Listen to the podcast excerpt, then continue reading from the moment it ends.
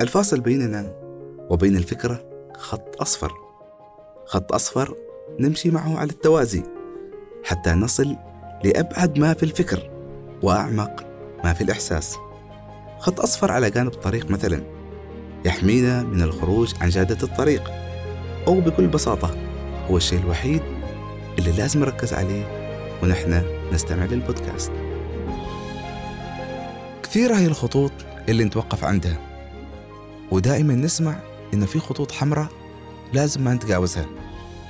الخط الأصفر عكس ذلك تماما.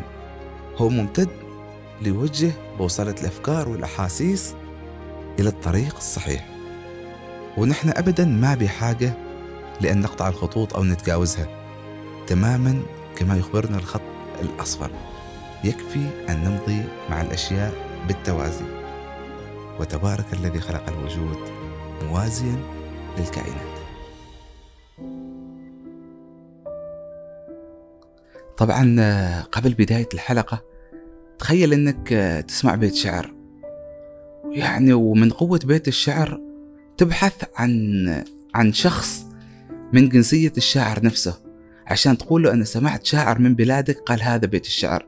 هذا بالتحديد اللي صار عندي. سمعت قصيدة لشاعر عراقي. واليوم اللي بعده كنت أبحث عن أي شخص عراقي ممكن أصادفه.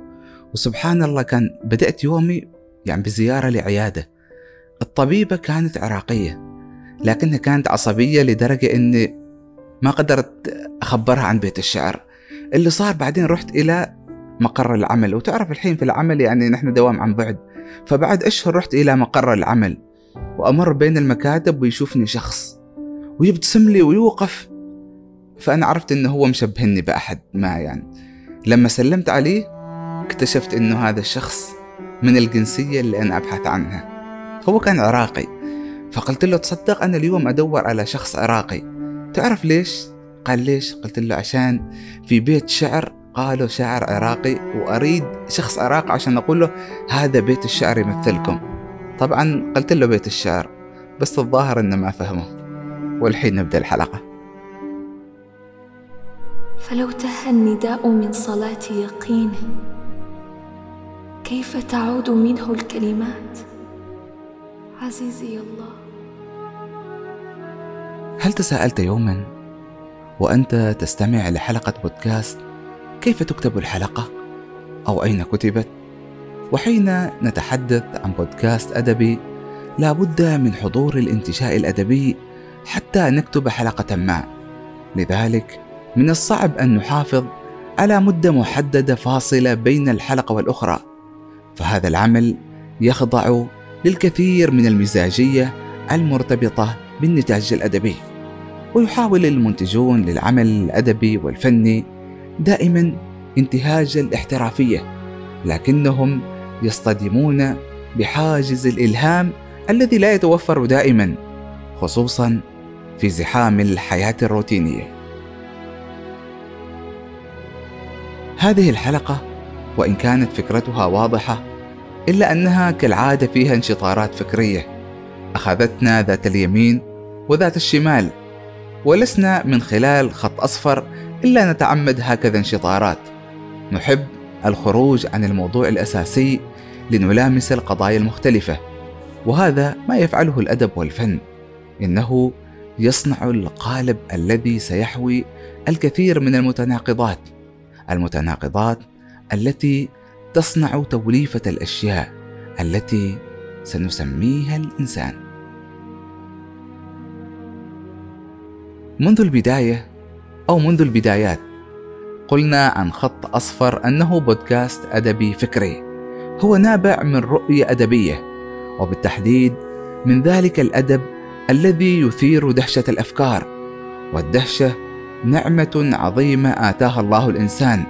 تكبر مع الوقت عند القلة القليلة وتتصاغر عند الأغلبية للأسف.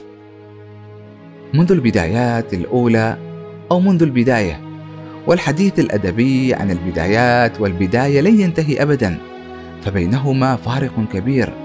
أو ربما سنقول عنه صغير ومهمل إن حاولنا تجنب أزمة المصطلحات لنأخذ الحياة ببساطة. فالأشياء ليست من حولنا بل في داخلنا. حضورها الفيزيائي من حولنا لا يتحقق إلا من خلال حواسنا ووعينا وإدراكنا. وبين الوعي والإدراك مسافة طويلة لمن لم يتفكر وقصيرة وقصيرة لمن كان عقله يعالج كل ما تلتقطه حواسه. وسابق سير خطوته. رحيل لم يسقه أثر. أتى أيلول مغتربا. تفرق شمله فكفر. على ذكر الخط الأصفر.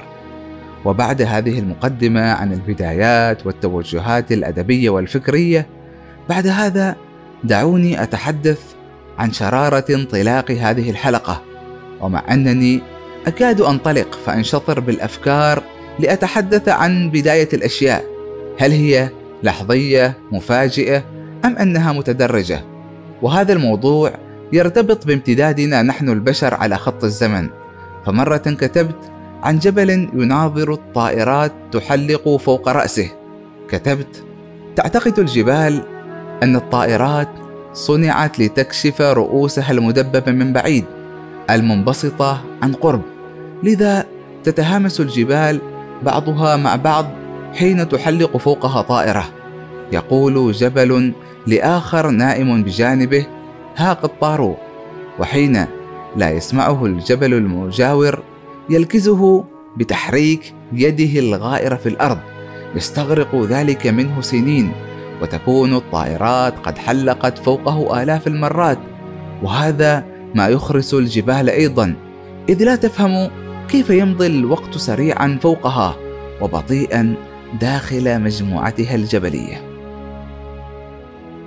نعود الآن إلى شرارة الانطلاقة ودعونا نتفق أننا نرى أقل من الثانية أي أن قدرتنا العقلية على الاستيعاب ومعالجة الحياة وتفاعلاتها لا يتعدى ذلك وعشان أبسط الفكرة أكثر تخيل لو أنك مثلا وأنت تسمعني الحين يحتاج عقلك دقيقة عشان يستوعب اللي قال أقوله.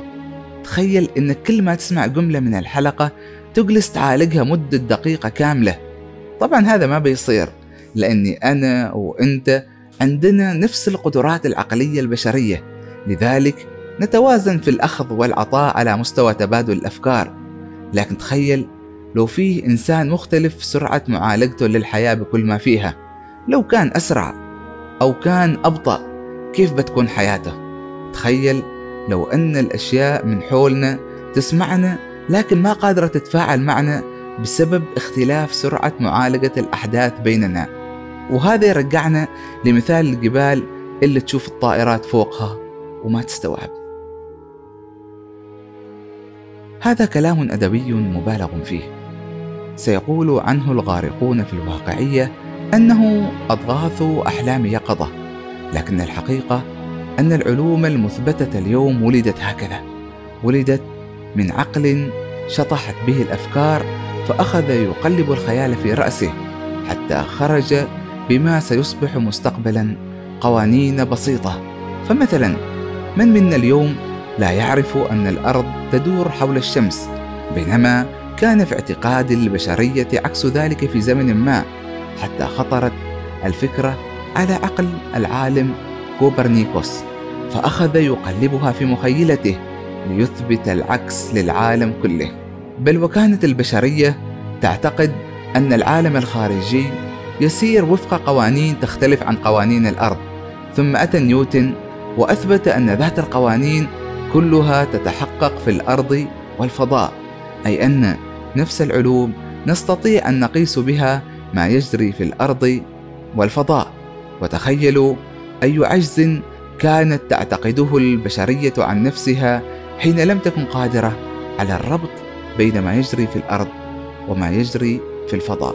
يحيا ويفنى هوى من أجل أغنية والحب كالشعر أن يأتي وينصرف كأنه وهو ينمو من فجائعه هذا العراق. يغني كلما نزفا. تخيلوا أنني الآن وبعد مرور كل هذه المقدمة للحلقة لم أصل إلى لب الحلقة والتي كنت سأدخل إليها من مدخل الشرارة التي أشعلتها وما اشتعال فكرة هذه الحلقة إلا من خلال بيت شعر ويليق بالخط الأصفر أن يكون وهجه الأصفر قادما من بيت شعر. يقول فيه الشاعر قلال السلطي لقد جرفتني الحياة بعيدا فما عدت ذاك الفتى الخيرة وما قيمة العيش ألا ترى سوى وجهك الشاحب المفترى. وألا ترى اللحظة المشتهاة وألا ترى الزمن الأخضر. وألا ترى النهر والضفتين والريح والزورق المبحرة. وألا ترى ما وراء الجلاء جليا عليك. وألا ترى سئمت أجل. ربما ربما تكون غدا قدرا مثمرا. لقد جرفتني الحياة بعيدا. فما عدت ذاك الفتى الخيرا.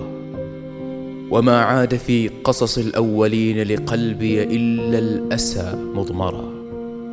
وقد عبر الناس نهر الحياة وقفت مخافة أن أعبرا. مخافة أن يقنع المتنبي بصدري وأن يخنع الشنفرا. وأن يلتقي في دم الأبعدان المدائن صاخبة والقرى. مخافة من لا يخاف النزال ولا يرهب الصارم الأبترى ولا يشتري بالخلود الحياة وإن باعه غيره. واشترى.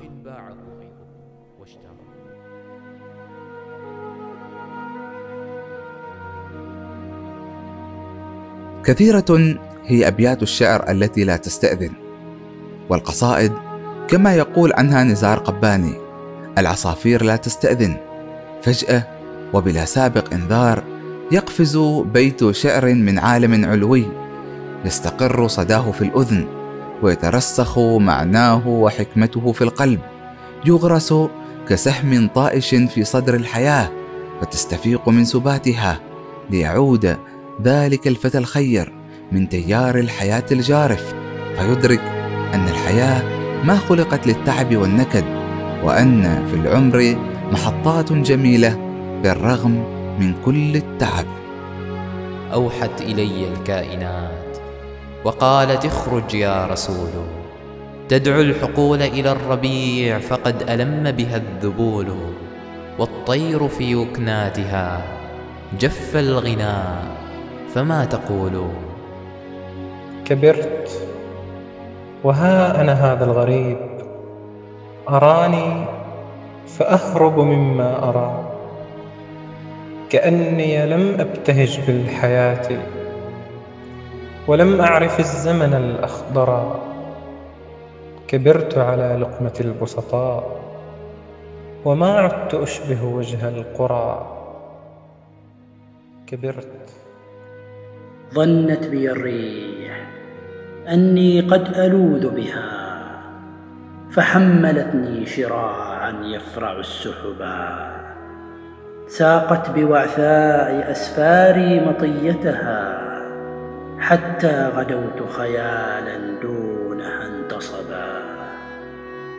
ماذا إذا ماذا إذا هل سوف نحيا فكرة للحب؟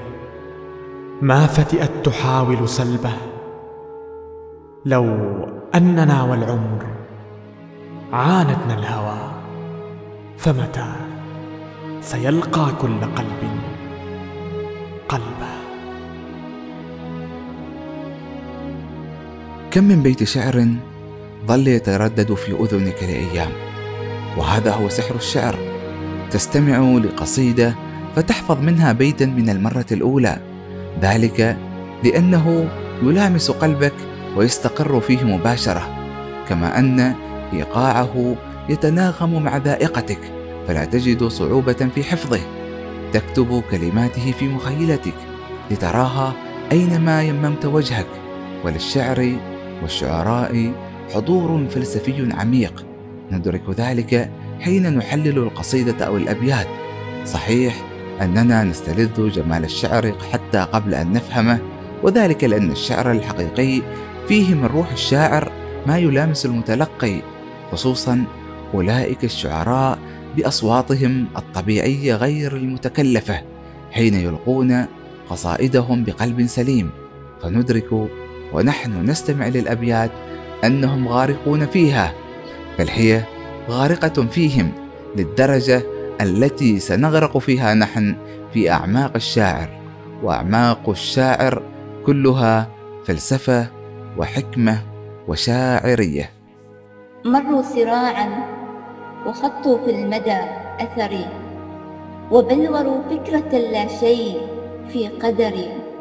مروا وفي روحهم أحلام بوصلة بأن تشير جهات التيه للعمر. يحدث كثيرا أن نقع في حب بيت شعر وأن نبقى لأيام في سحابته مسافرين.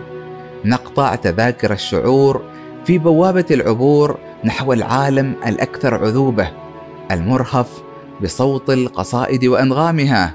يحدث وفي غفلة من زحام الحياة أن نستمع إلى قصيدة ما أن يدهشنا بيت شعر.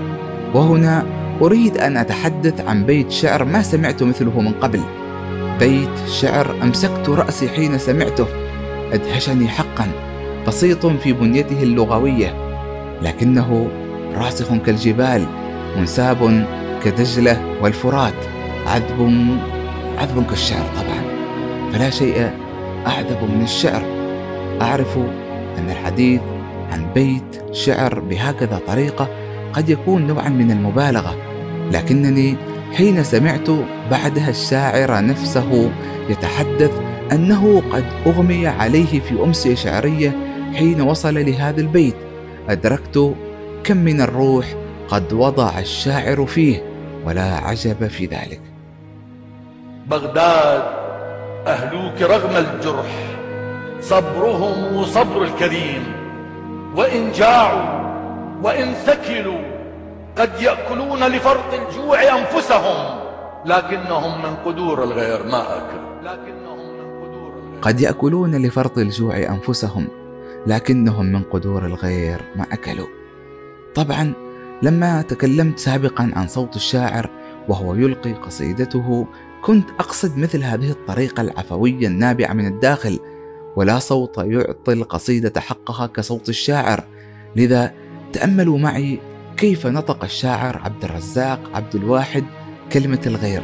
لكنهم من قدور الغير ما أكل والأمثلة كثيرة وأصوات الشعراء وحضورهم وحده قصة تحتاج أن تحكى وتروى. فكم من بيت شعر ظل عالقا لا ينسى. كم من بيت شعر نسمعه للمرة الأولى لنقول جاء في وقته. كم من بيت شعر غير فينا وصنع في داخلنا لذة شعور لم نجربها من قبل. وما أجمل الشعور الذي يحضرنا للمرة الأولى. فحين تمرين بالنائمين يود الذي نام لو لم ينم وحين تمرين بالساهرين تمرينهم بالعمى والصمم. حلقة كهذه لا يجب أن تنتهي. حلقة كهذه لو يقدمها أحدكم مستمعين الكرام ستكون مختلفة في الأمثلة الشعرية التي ستطرح لكنها ستكون بذات الاندهاش من الشعر وفلسفاته العميقة. باسم المرايا وانكسار وميضها باسمي وباسمك يا صفي أدخل. والأمثلة كثيرة لكنني سأقف هنا وأنا مدرك أن لكل واحد منا عاشق للشعر أبيات يحبها أبيات التقى بها ذات عمر فرافقته في رحلة الإبحار. نجا بها من جفاف الوقت فأزهر قلبه وتعطرت بها روحه وظل الشعر رفيقه الدائم.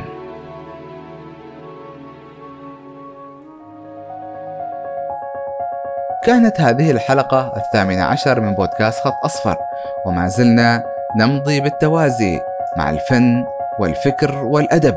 ويسعدنا أن تستمعوا لباقي الحلقات وتتابعونا وتتواصلوا معنا. لأن القصد من الحلقات أن نصنع حلقة وصل مع كل المهتمين بالحراك الأدبي الفكري الشبابي. وفي الختام هذه تحيات فريق العمل شيماء الصبيحي في إدارة البودكاست ريان الغافري في التسويق والعلاقات آمن الكندي في التدقيق اللغوي وهيثم الحضرمي في الإخراج.